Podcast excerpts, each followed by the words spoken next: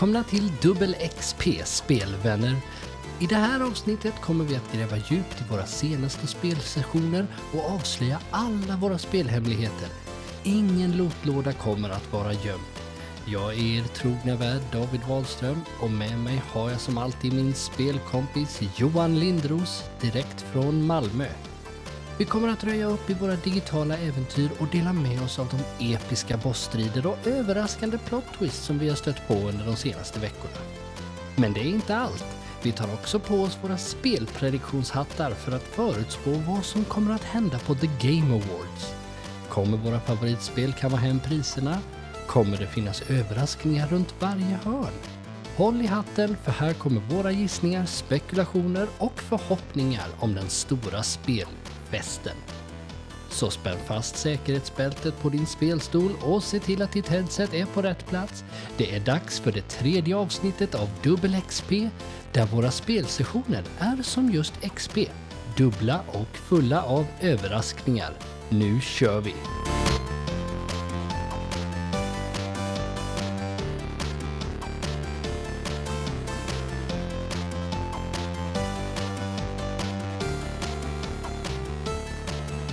Yes, yes, yes, vi är igång! Det tredje avsnittet är äntligen här.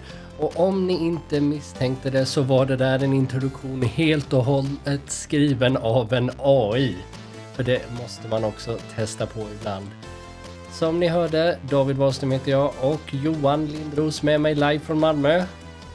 Hejsan hejsan. Hej, då är vi tillbaka. Det har dröjt ett par veckor och vi säger väl bara att livet har kommit emellan på olika sätt men nu är vi igång med det efterlängtade tredje avsnittet. Jag har faktiskt fått minst två personer som har frågat när nästa avsnitt kommer. Vilket betyder att det är ju folk som lyssnar på oss. Ja, nej men det, det är väl samma på, på min front. Det, det har efterfrågats eh, en, en fortsättning och det är ju, det är ju positivt. Vi är här för att ge folk vad de vill ha helt enkelt. Som ni hörde i introduktionen, det är ett fullspäckat program här idag. Men jag tänker att eh, vi börjar väl med det gamla vanliga och eh, frågar oss vad har vi spelat på senaste tiden? Take it away Johan.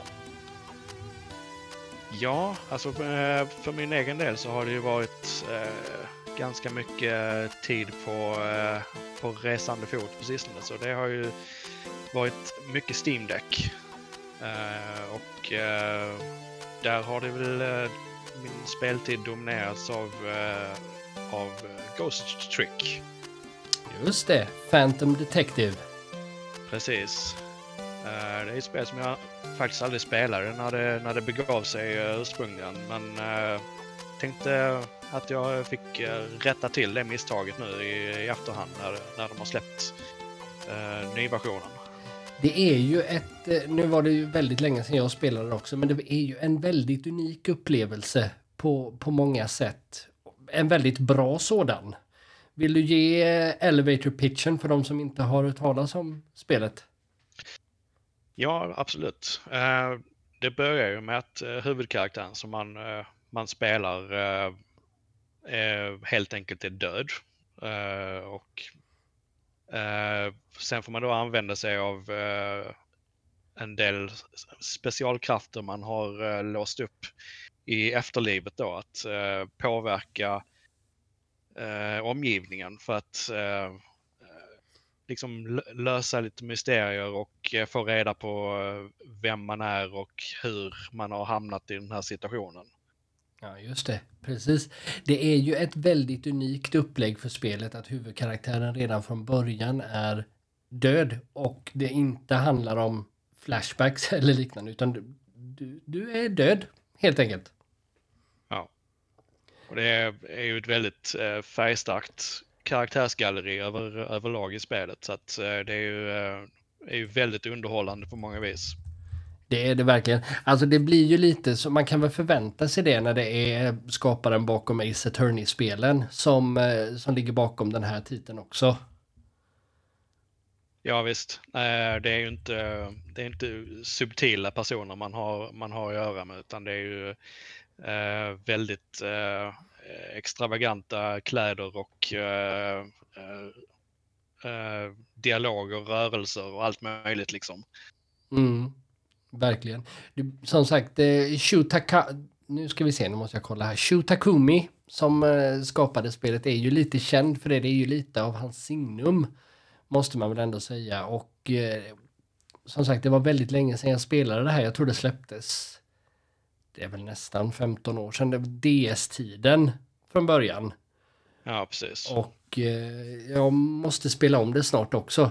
För eh, jag minns att det var väldigt underhållande upplevelse. Och det är dessutom en spelupplevelse som är, passar utmärkt på Steam Deck. Det kan jag, kan jag ju skriva under på. Det är ju bra, för jag behöver ju fler, fler spel i min backlog till Steam-däcken. Det behöver vi alla. Alla behöver. Det är aldrig nog på något sätt. Du började närma dig fyrsiffrigt i ditt Steam-bibliotek, diskuterade vi ju. Ja, det börjar bli skrämmande nära nu alltså. Uh, ligger och uh, puttrar på 991 Oh. i listan här, men uh, det är ju...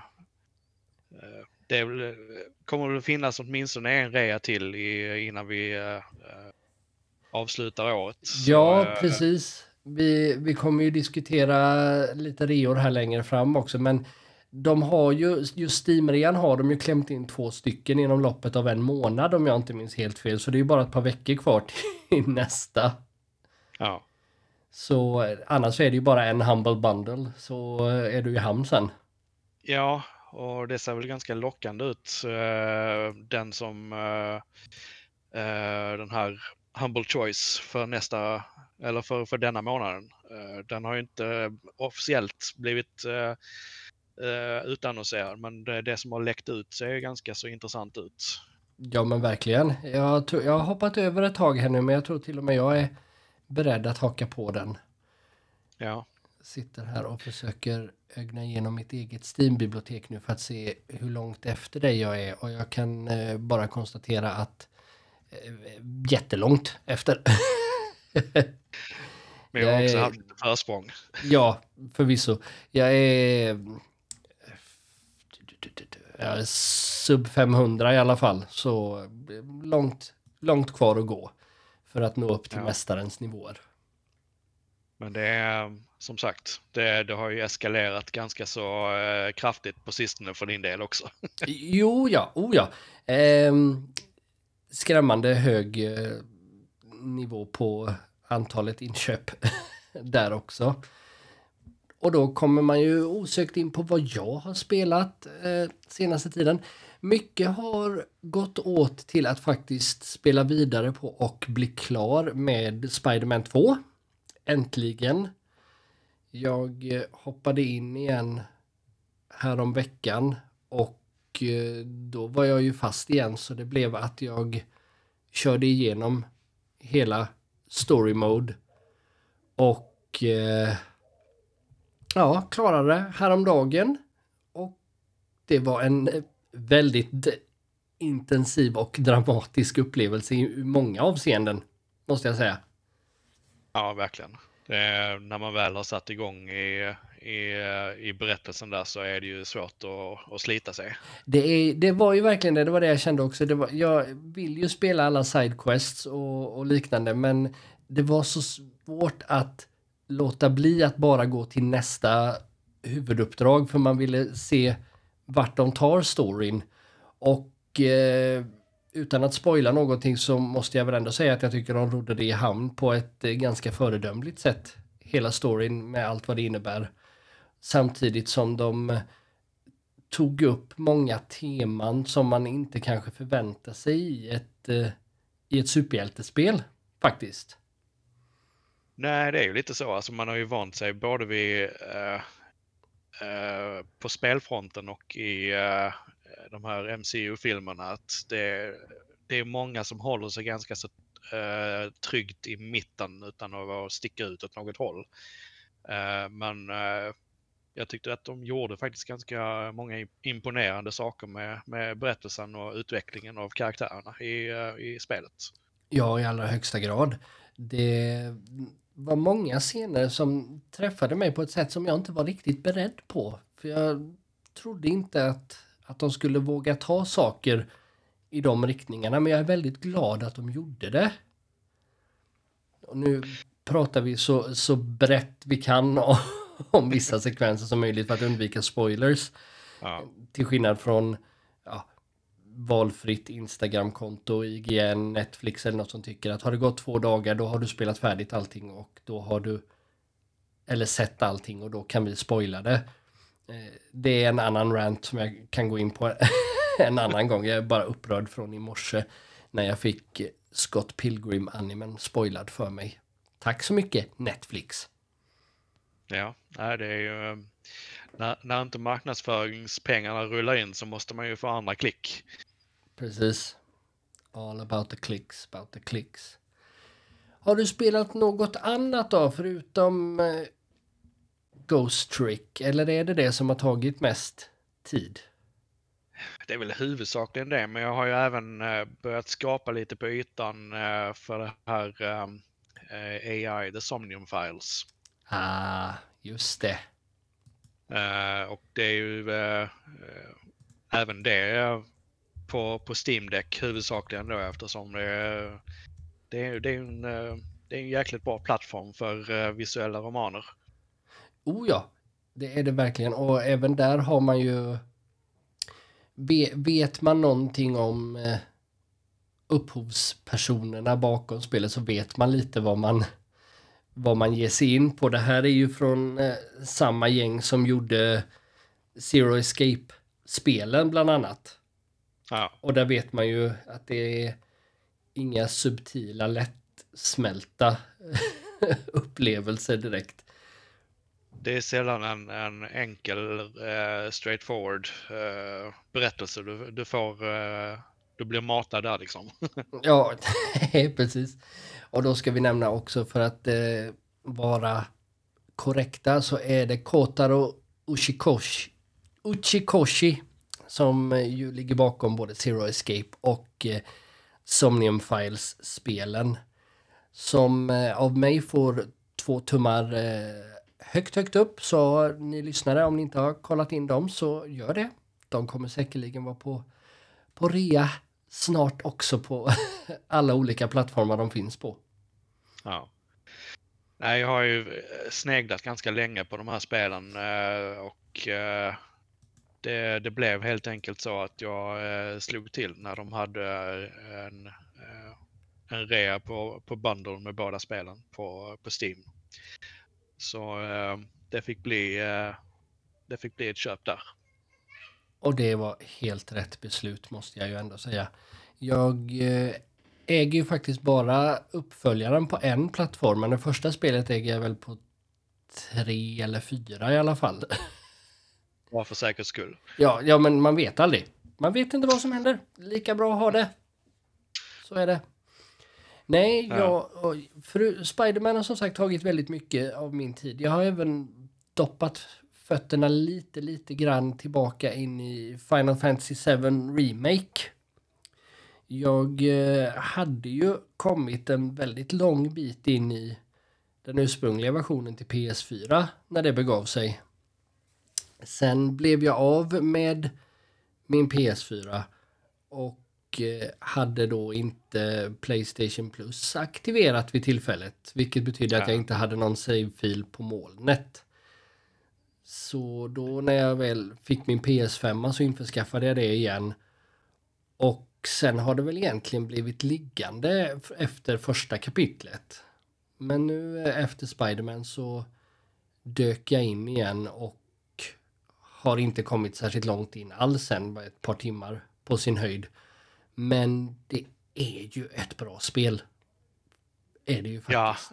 Alltså det är ju, det är ju helt fantastiskt vad de gjorde, ett, eh, vilket jobb de gjorde med, eh, med det spelet. Eh, det är inte så konstigt att de, de har delat upp spelet i tre delar för att det hade ta, tagit hela, ett helt decennium till att bara proppa in allting i, i ett spel liksom. Ja, nu spelade jag ju aldrig original sjuan när det begav sig och har fortfarande inte spelat originalversionen.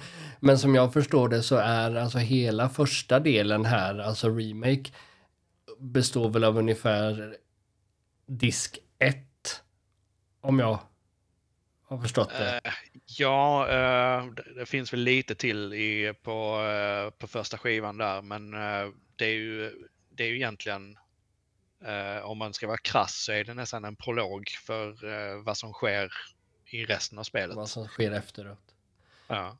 Aerith-scenen, är det disk 1 eller kommer den senare? Nej, det är väl på tredje om jag inte minns fel. Nu var det okay. ett tag sedan jag spelade.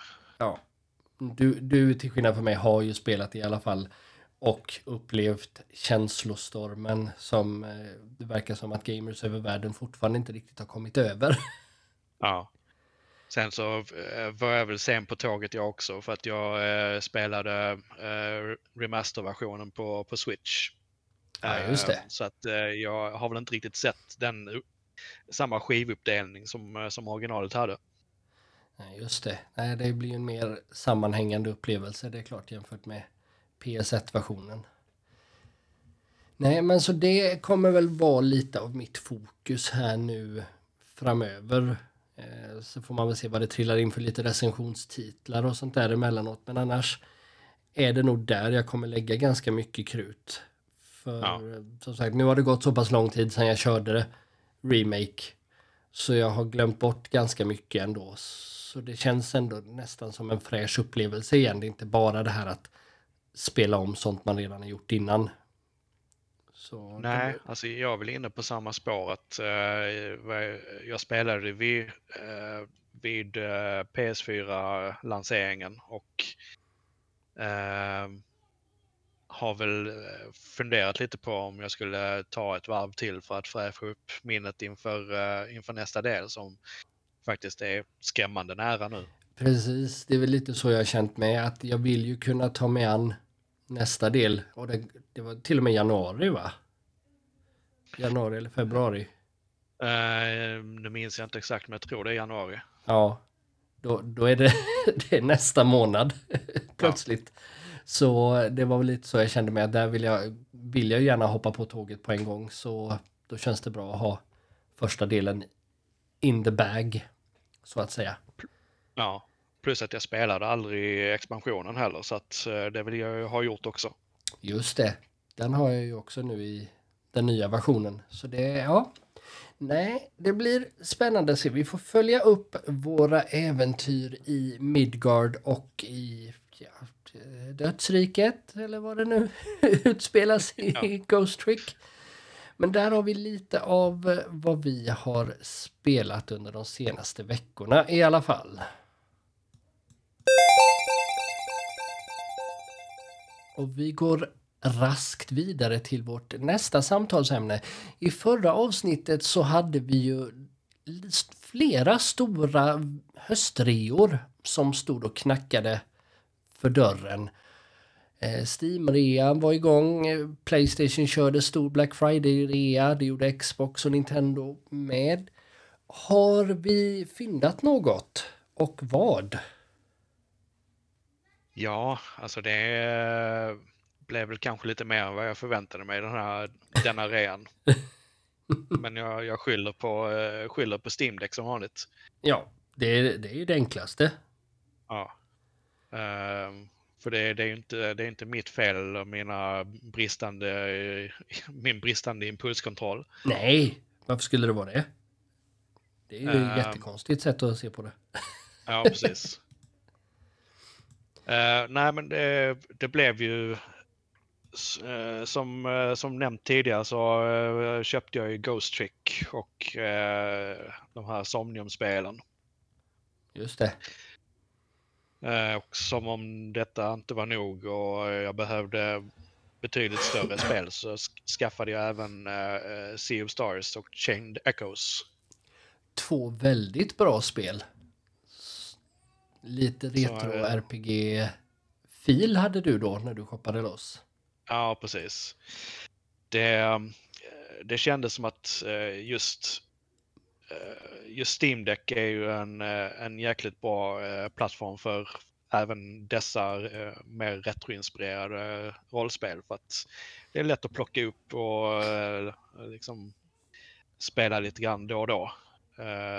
även om man då kan köra längre sessioner på, på datorn om man vill det.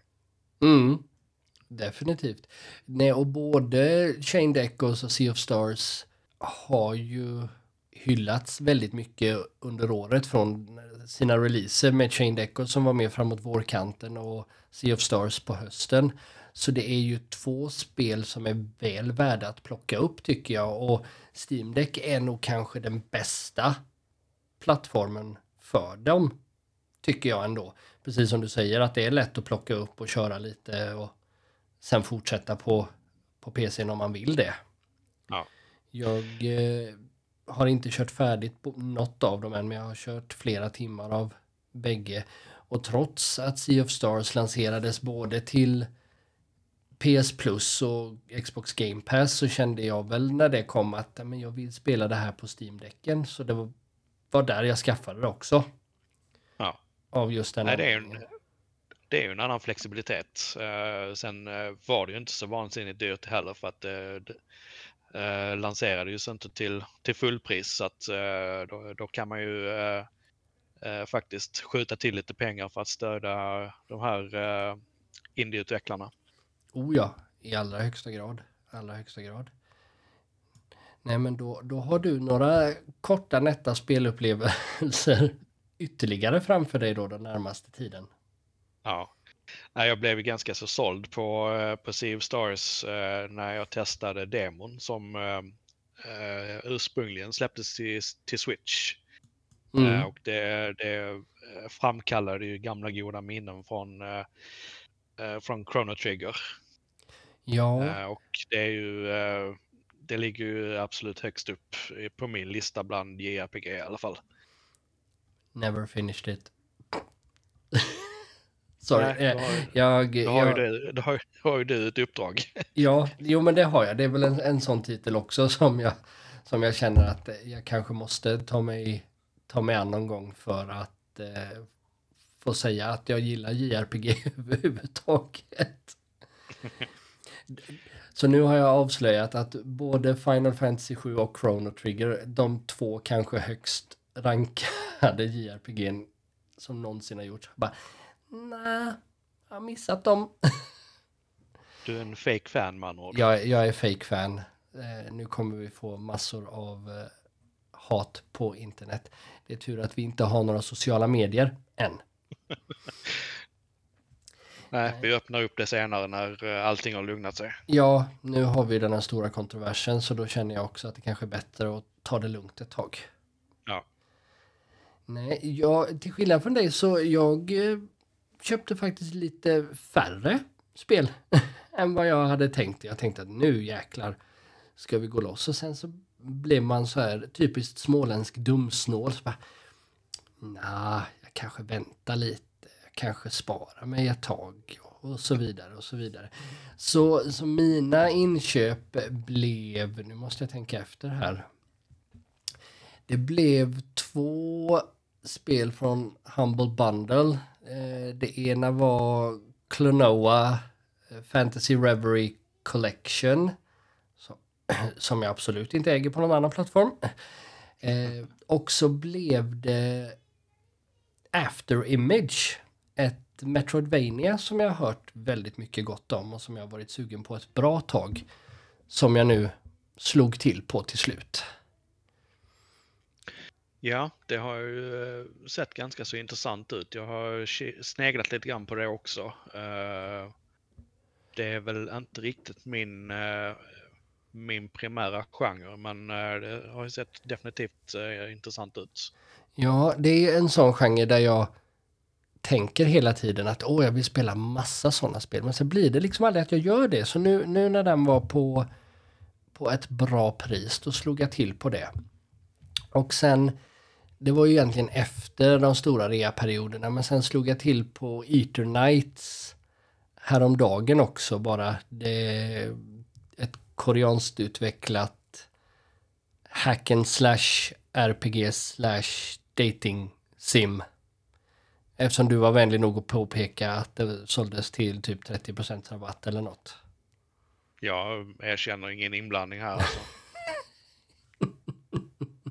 Nej, så det är egentligen bara Eternights som jag fortfarande tycker och trodde länge att det kanske borde uttalas Eternights istället eftersom Eternal, Eternal, men nej, i spelet säger de Eternights så då säger jag Eternights. Har hunnit eh, spela bara lite, lite grann än och för de som inte vet vad det är så handlar det om en kille och hans bästa polare som är ute för att eh, nätdejta och träffa snygga tjejer. Samtidigt som eh, världen går under. Ungefär. Och de finner sig själva inlåsta i ett, en bunker tillsammans med, surprise, ett gäng snygga tjejer. Och eh, mycket längre än så har jag väl inte kommit riktigt än, men eh, ganska schysst stridssystem, lite charmiga karaktärer och sådär så det kommer väl rulla på min däck det närmaste misstänker jag. Ja, jag spelade demon av det för uh, om det var en Steam Next Fest eller sånt där det var med i. Mm. Uh, och uh, tyckte väl också att just stridssystemet var halvintressant. Det är ju lite, lite dodge-mekaniker och sådär som in, är involverat. Precis. så att um, fastnar väl kanske inte hundra för presentationen och storyn och sådär va. Men kan vara någonting som jag kikar på när, när tillfälle ges. Ja, alltså det, är ju, det märks ju ganska tydligt redan nu att det är ju inte en multimiljardproduktion utan vad säger, det är lite indie, lite indie-känsla i det. Och ja, men det helt okej okay ändå. Det är schyssta röstskådisar, det är lite bra musik och sådär. Stridssystemet verkar inte vara det djupaste, men det är inte alltid man behöver det heller. Så, ja, men än så länge jag... Jag tänker inte kräva pengarna tillbaka i alla fall.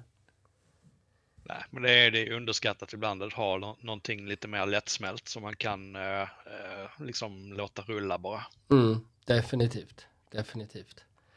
Så då är det egentligen bara för oss nu att börja ladda batterierna inför eh, nästa rea-omgång då. Eller det tar ju egentligen aldrig slut för så, Playstation avlöste ju sin Black Friday-rea med sin End of the Year Sale tror jag dagen efter. Så det är ju alltid rea nu för tiden. Ja, det eh, går inte att gömma sig. De vill ha våra pengar. Vi går raskt vidare. För vi har ju en stor nyhet som vi ska diskutera lite grann också. Och nu kommer väl det här avsnittet att släppas runt tisdag. Misstänker jag tisdag den femte. Och det är nämligen då vi äntligen kommer att få se den första trailern för GTA 6. Denna hett efterlängtade uppföljare till GTA 5 som släpptes alltså för tio år sedan. Så det har ju verkligen varit på väg under lång tid nu. Och vad tror du Johan, vad kommer vi få se?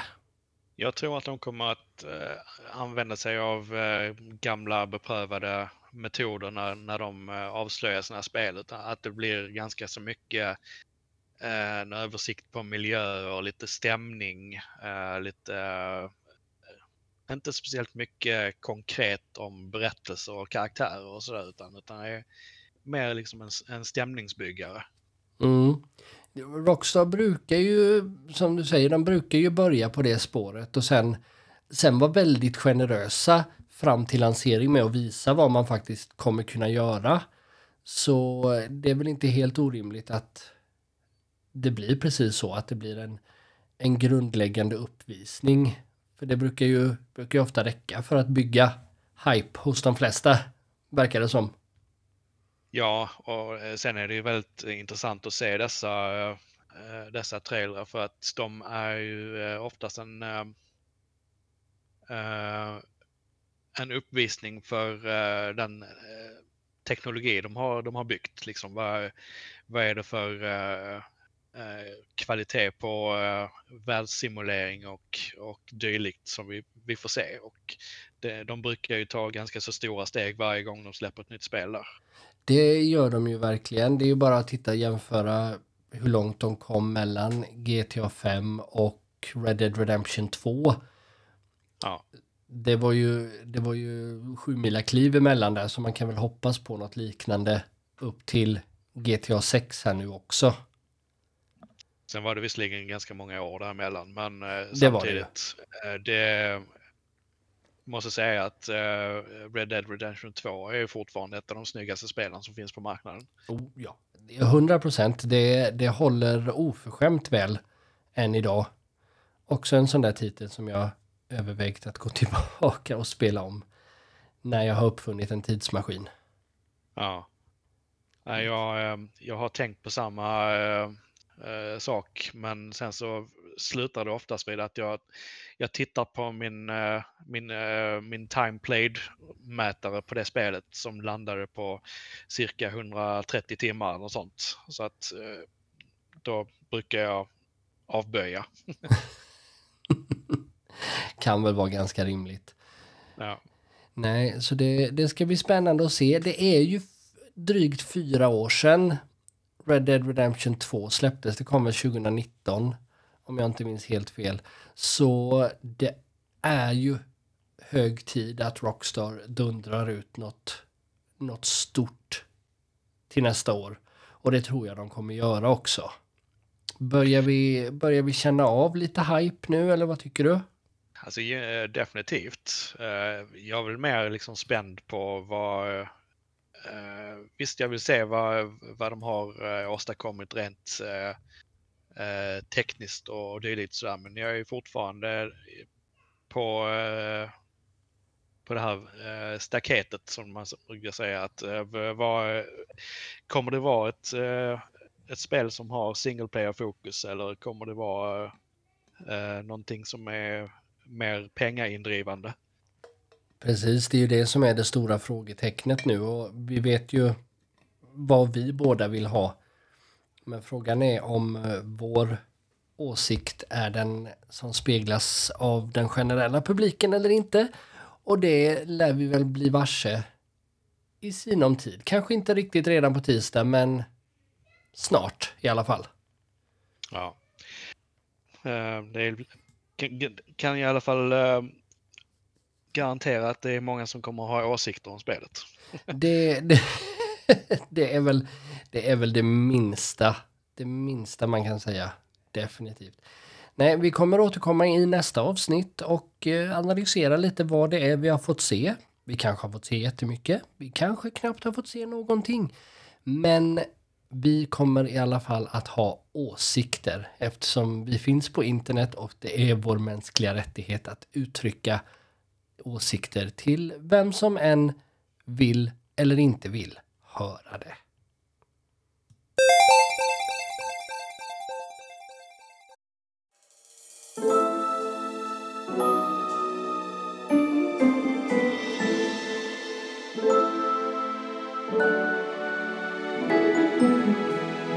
I skuggan av solnedgången, där dag möter natt och äventyret knyter en osynlig tråd mellan hjärtat och skärmen där uppstår Tales of Arise Beyond the Dawn som ett magiskt skimmer över spelvärlden.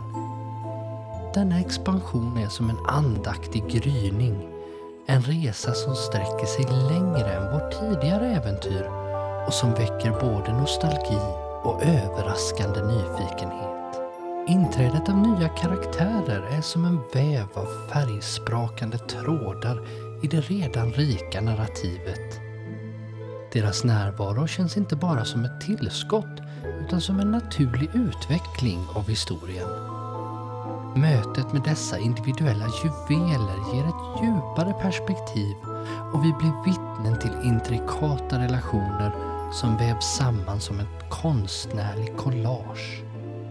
Varje karaktär är som ett penseldrag i en mästerlig målning, var för sig viktig men tillsammans skapar de en harmoni som är enastående.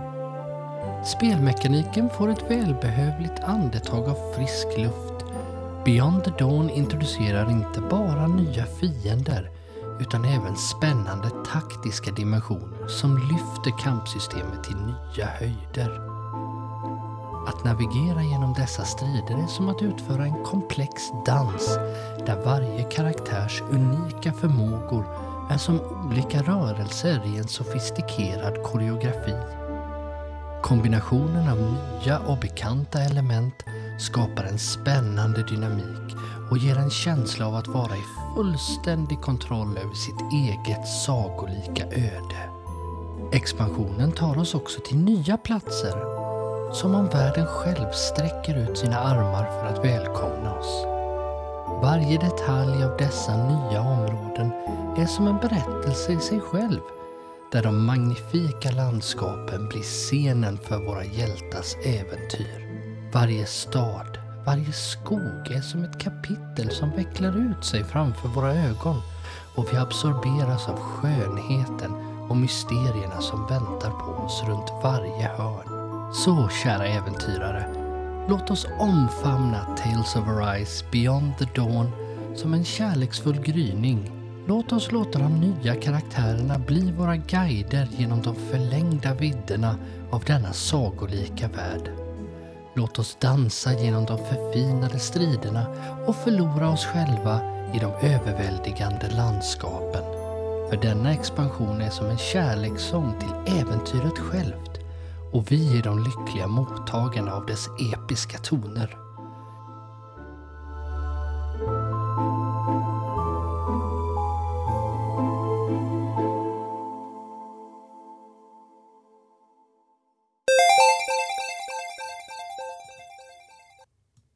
Där satt den som en smäck, eller vad säger du?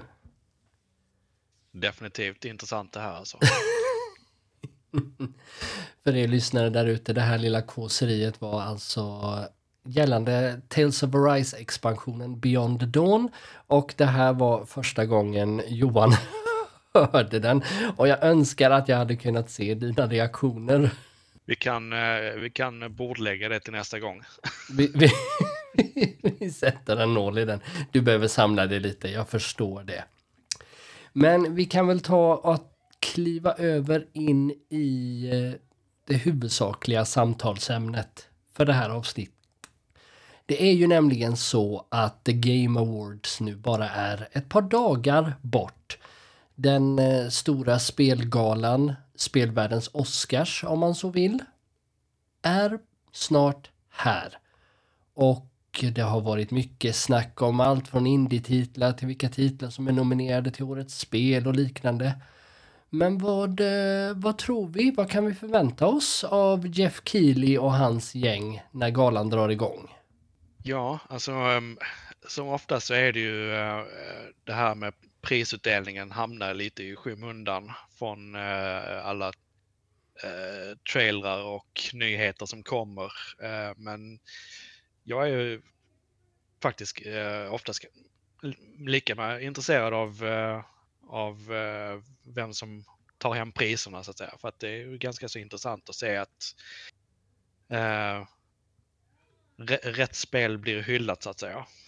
Jo, men det är, det är ju lite så. Det, som sagt, de, de har ju lagt väldigt mycket fokus tidigare år på att ja, det kommer vara si och så många världspremiärer och liknande istället. Och sen petar de kanske undan många av spelen och säger att ja just det, här kommer det här och det här och det här priset och de kör igenom tre stycken i rad.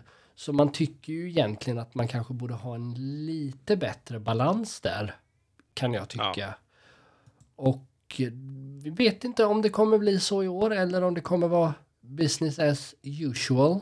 Men eh, det är ju, det är ju spännande. Har du någon, någon kategori som du ser lite extra mycket fram emot?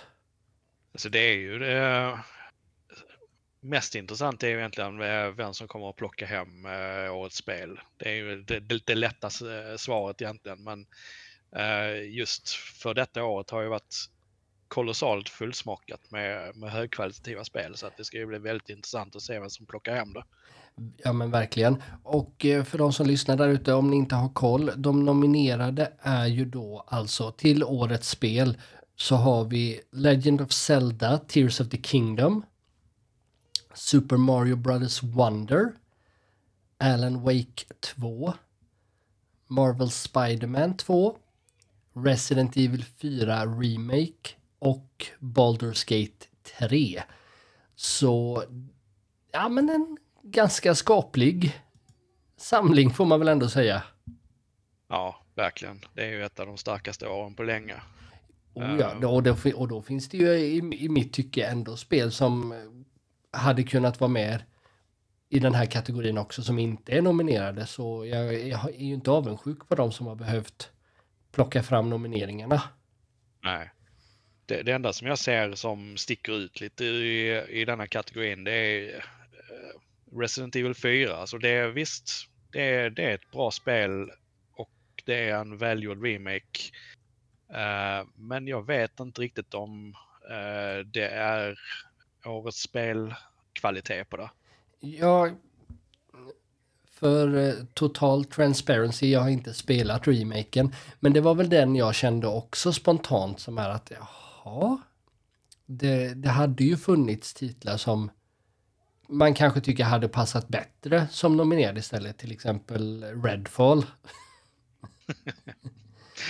nej, ja. nej, men, nej men eh, skämt åsido så jag hade kanske kunnat se Final Fantasy 16 eller eh, varför inte Hi-Fi Rush som en av de nominerade till årets spel. Ja.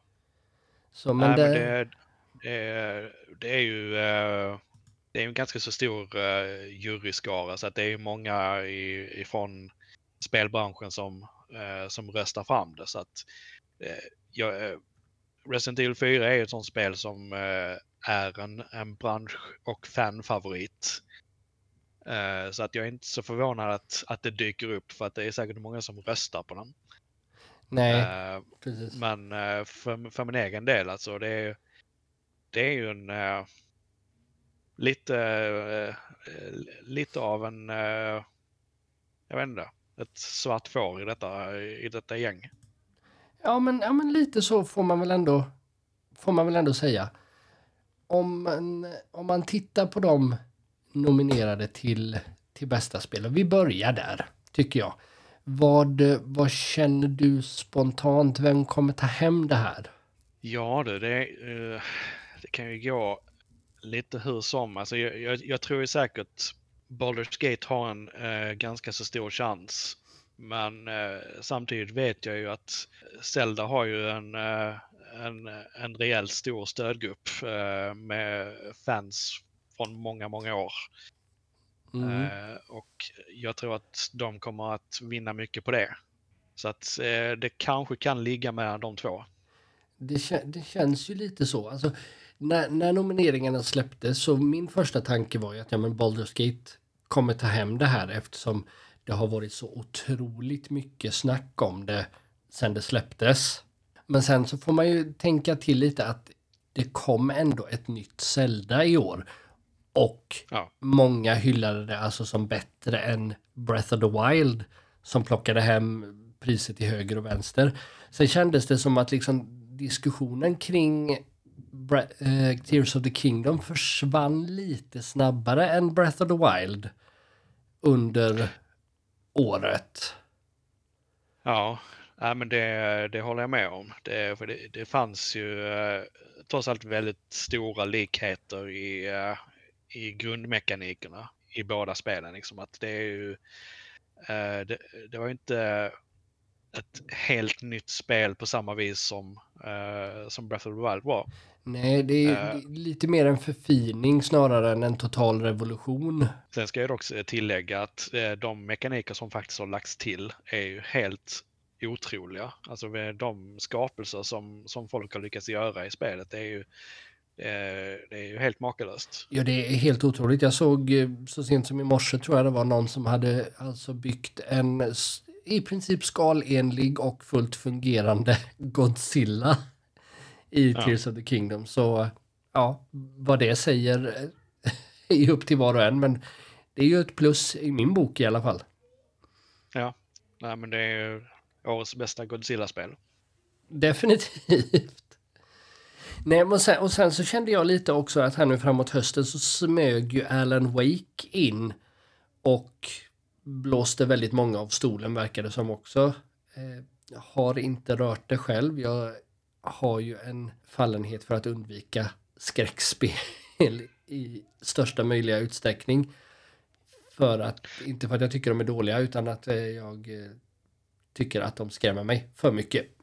Ja, eh, nej jag, jag recenserade ju uh, Alan Wake 2 och det ligger otroligt högt på min lista. Vi, vi håller på att sammanställa våra årslistor i, på PS-bloggen nu och det är ett av de svåraste åren på länge att, eh, att klura ut vad, eh, vad vi ska utnämna i varje, varje kategori.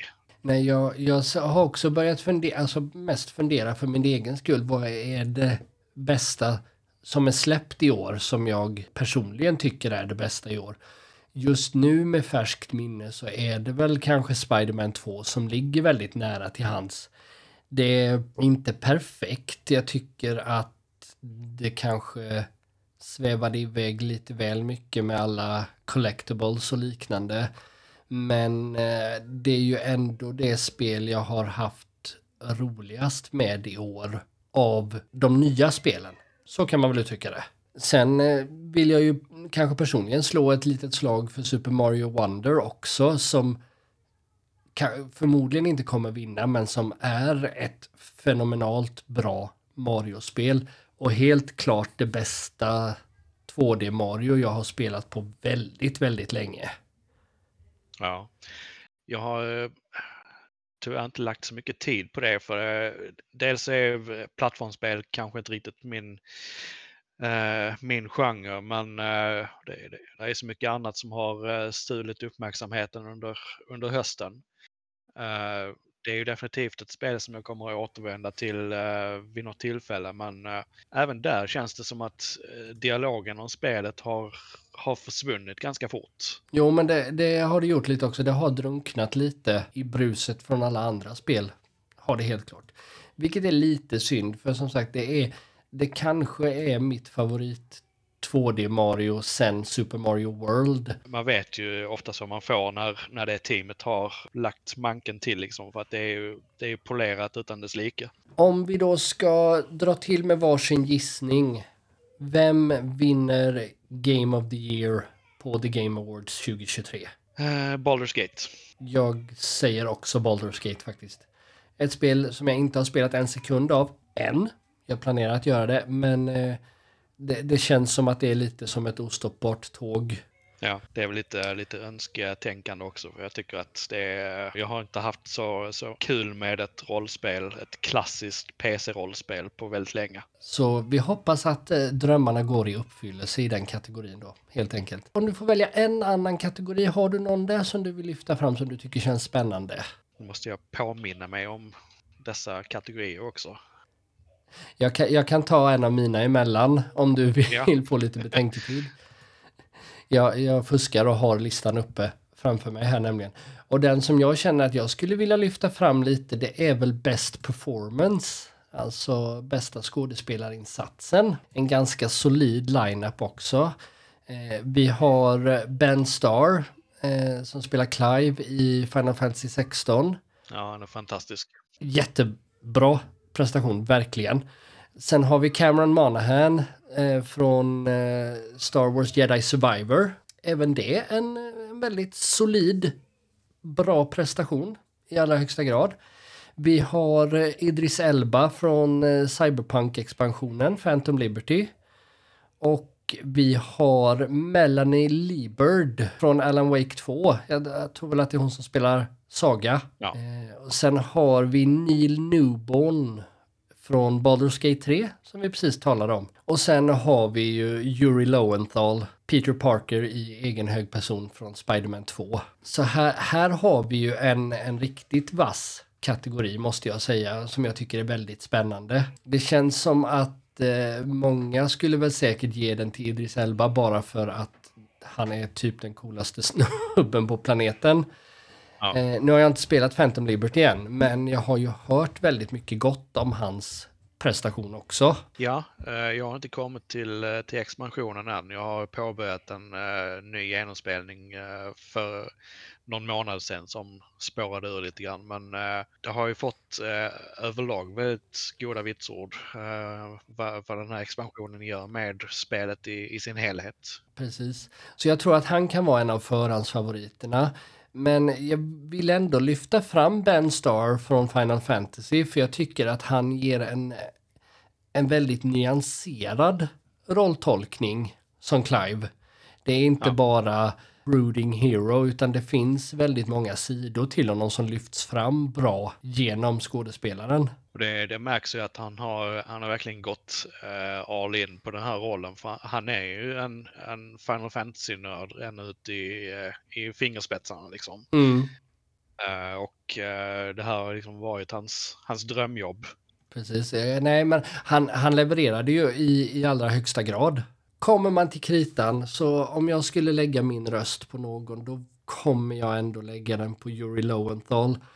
För jag tycker att han fångar Peter Parker på ett fantastiskt sätt som det är annorlunda från vad alltså live action Peter Parker har gjort.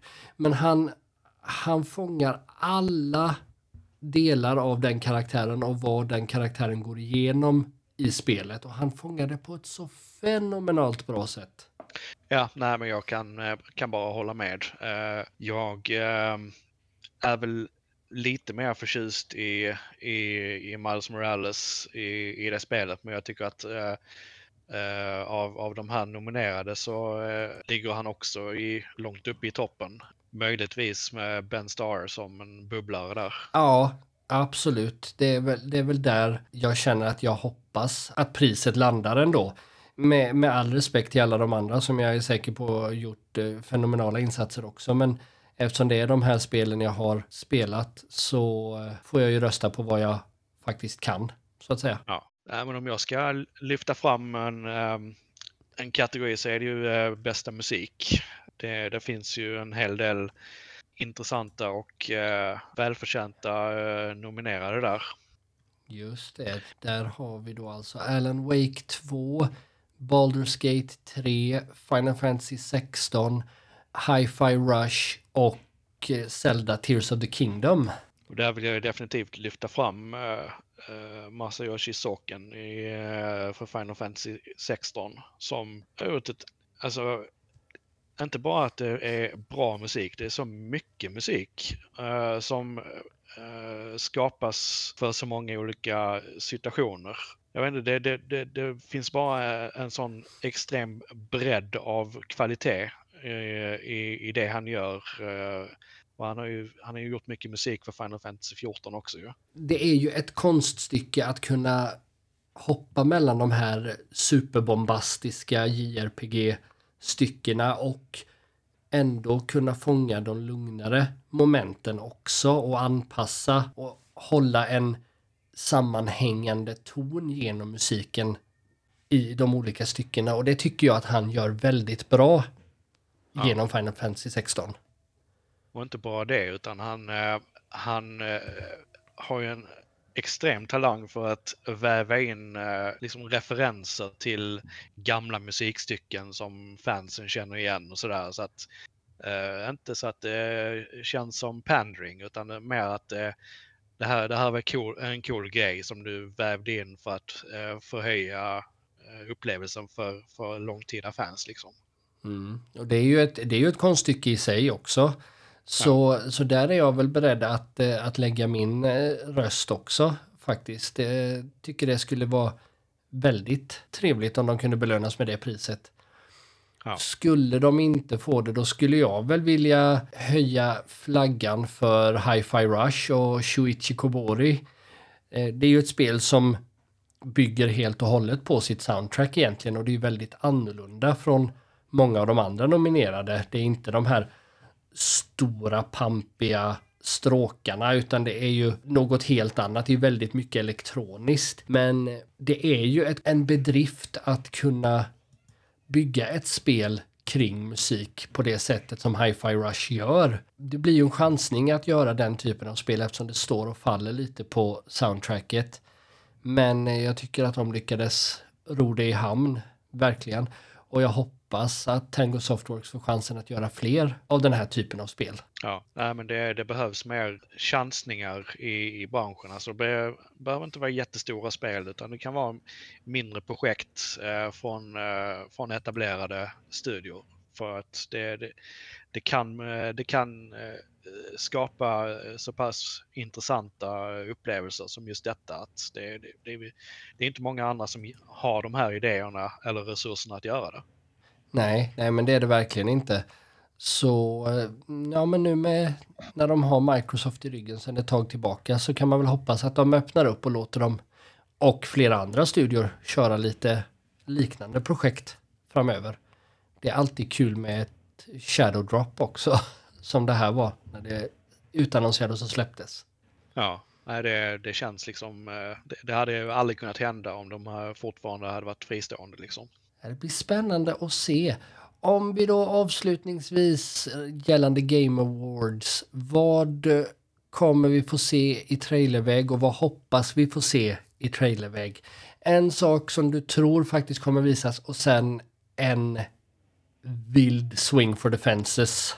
Det som jag skulle kunna tänka mig dyker upp eh, är ju en, eh, en lite mer informativ trailer om eh, The Last of Us Part 2 remaken eller remastern. Det har ju eh, snackats en del om det här eh, nya spelläget med eh, som var lite roguelike eh, inspirerat. Eh, och det kan ju vara ett, eh, ett bra tillfälle att att visa upp eh, dels vad de har eh, gjort rent grafiskt men hur, även hur det funkar. Precis. Så att vi äntligen kan få spela det här gräsligt gamla och fula spelet på en modern plattform också. Men faktum är att eh, eh, Naughty Dog är ju ganska så smarta på den biten för att de, eh, även om det se- ser ganska så, eh, eh, så cyniskt ut att eh, göra en remaster av ett spel som inte är speciellt gammalt, så är det ju mycket av eh, det jobbet som, som görs där eh, ha, har de ju lagt på eh, eh, juniora anställda så att, att de har någonting att lära upp sig på. Eh, samtidigt som de använder mycket av det på att, eh, eh vad ska man säga, de, eh, det, det jobbet de gör används ju även i framtida PC-versioner. Ja, jo men så, så är det ju absolut. Och eh, ja, nej, men man kan ju också välja, tycker man att spelet fungerar bra i dagsläget, du behöver ju inte köpa det nya, men den här gången trycker de ju ändå in vad det verkar som en hel del trevligt extra material också som man inte har haft tillgång till tidigare. Det var nivåerna som de hade kapat också som man kan få utforska lite även om de inte är en helt integrerad del av kampanjen. Så det känns ju ändå som att ja, men det kan vara värt det och äger du PS4-versionen så var det väl en 100 spänn för att uppgradera också så då ja, det kommer jag väl göra då. Ja, nej, men det, det kommer ju nu förmodligen jag också göra. Det även om det är, alltså det är ju ett suveränt bra spel, men det är ett spel också som är jobbigt att spela igenom, för det är ganska så tunga grejer att uppleva igen. Jag brukar säga att eh, båda Last of Us-spelen är de bästa spelen som jag aldrig vill spela igen. Ja, Av just den anledningen. Nej, så det, det blir spännande, men det låter väl inte helt orimligt att de, att de visar upp någonting där. Om eh, du har en, eh, ett riktigt wildcard, vad, vad skulle du vilja se? Nintendo visar äntligen upp en, eh, en ny eh, Switch som eh, inte har samma prestanda som ett gammalt strykjärn. 8K Switch confirmed. Med 14 timmars batteritid. Ja. Ja, nej, taget. Nej, jag kan för min egen del, jag kan väl tänka mig att Ubisoft kanske drar in en trailer för den här otroligt eh, dåligt gömda hemligheten som nu är officiell med en, en remasterad version av Beyond Good and Evil. som ska släppas i början av nästa år. Och eftersom det rör sig om ett av mina absoluta favoritspel genom alla tider så tänker jag ju inte tacka nej eftersom vi, vi aldrig kommer få se den här uppföljaren ändå. Det vore, det vore trevligt tycker jag. Och Eh, ska man dra till med en, en rejäl chansning så tänker jag att Xbox visar upp att de har dragit igång sin eh, backwards compatibility-program igen och att alla gamla Activision Blizzard-spel är nu bakåtkompatibla och tillgängliga via Game Pass. Ja, varför inte? Uh... Och Game Pass kommer till Nintendo och Playstation. Om man ska önska. Bara för att, bara för att krydda. Ja, ja, ja. L liten extra bonus sådär. Men du, jag tror nästan vi har betat av det vi hade sagt att vi skulle göra den här veckan. Eller vad Ja. tycker du? kan väl tillägga där att det, det, det är ju bekräftat att eh, vi kommer att få se en, eh, en trailer för eh, Xbox-versionen av Baldur's Gate 3. Eh, Just det! Och vi, eh, vi har ju diskuterat det där tidigare eh, utanför podden. Att Mm. eh, även innan det, det blev klart att de skulle visa den trailern. Så att eh, jag, jag fortsätter att gå på min prediction där att de kommer att släppa sp- spelet på, på Game Pass samma dag. Det skulle ju vara en stor win för Xbox eftersom de missade den ursprungliga lanseringen här i, i höstas. Och Microsoft har ju själva hintat om att något ganska stort kopplat till dem kommer att visas. Och Ja. Baldur's Gate på Game Pass samma dag skulle ju definitivt fylla den kategorin. Det, ja, precis. De har ju sagt att eh, de fortfarande planerar att släppa spelet i år på Xbox. Men eh, de har ju inte sagt riktigt när. Men det, det skulle vara en, eh, en eh, fin skalp och, eh, och ta liksom eh, med, med att eh, få ett sånt, eh, en sån, eh, sån stor titel på, på Game Pass. Definitivt, särskilt då om det också plockar hem Game of the Year i slutet av kvällen. Då är det ju en, en dubbel-win. Ja, Mark- marknadsföringen där skriver sig själv. Ja, Det blir spännande att se vad de har att bjuda på där. Och sen så har ju Sega bekräftat att de ska visa upp någonting också. ja. Och det kan ju vara allting från Sonic till kanske Valkyria Chronicles 5. Snälla Sony. Sega menar jag. Snälla. Nej, men man kan ju också hoppas att det skulle vara en eh, remaster eller remake på Like a Dragon Kensan. Om man nu får spekulera. Ja, alltså den hade ju inte sagt nej till. Eh, Definitivt inte. Det hade nog vunnit showen för min del. För kära lyssnare, om ni inte har förstått det än i det här tredje avsnittet så både Johan och jag är måttliga fans av eh, Like a Dragon-serien. Ja, det kan man väl påstå. Ja, Eh, med lite att, god eh, vilja i alla fall. så vi får väl, eh, Vi kan ju spika redan i, i jan- januari vilket som blir årets spel. Med, med tanke på att Like a Dragon Infinite Wealth släpps då ju. Ja, precis. Det, resten av året kommer ju vara en kamp om andra platsen i stort sett. Ja. Inte för att vi är partiska på något sätt.